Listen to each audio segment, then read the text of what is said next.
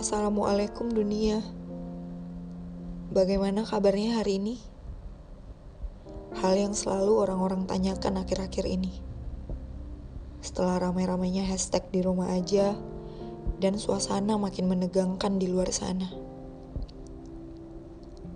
Hal yang pertama kali ingin ku sampaikan adalah semoga yang lelah dan sedikit hampir gila karena bolak-balik membaca berita yang tak seharusnya didengar oleh hati, dibaca oleh pikiran, please, menepilah.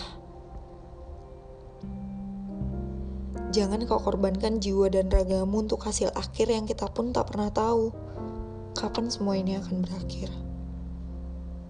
Gunakan waktumu untuk menyemangati satu sama lain, membantu yang kurang mampu, menyembuhkan yang sedang terluka, dan memberi pelukan hangat untuk segera bangkit bagi yang terjatuh.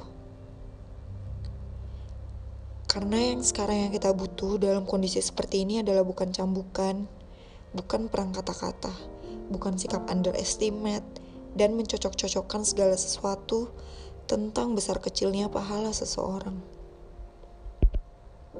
Tapi tentang semua ini akan berlalu dan siapa pun akan baik-baik saja.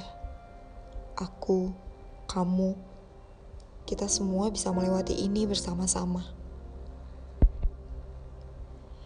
Ada kata-kata di grup sebelah yang ingin aku sampaikan.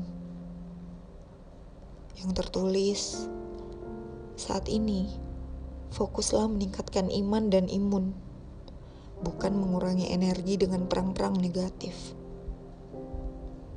Percayalah, semua ini akan berlalu dan siapa pun di luar sana akan baik-baik saja.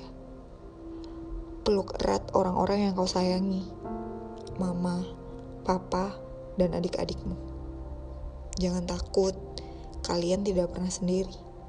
Indonesia dipenuhi oleh orang-orang baik dan dermawan.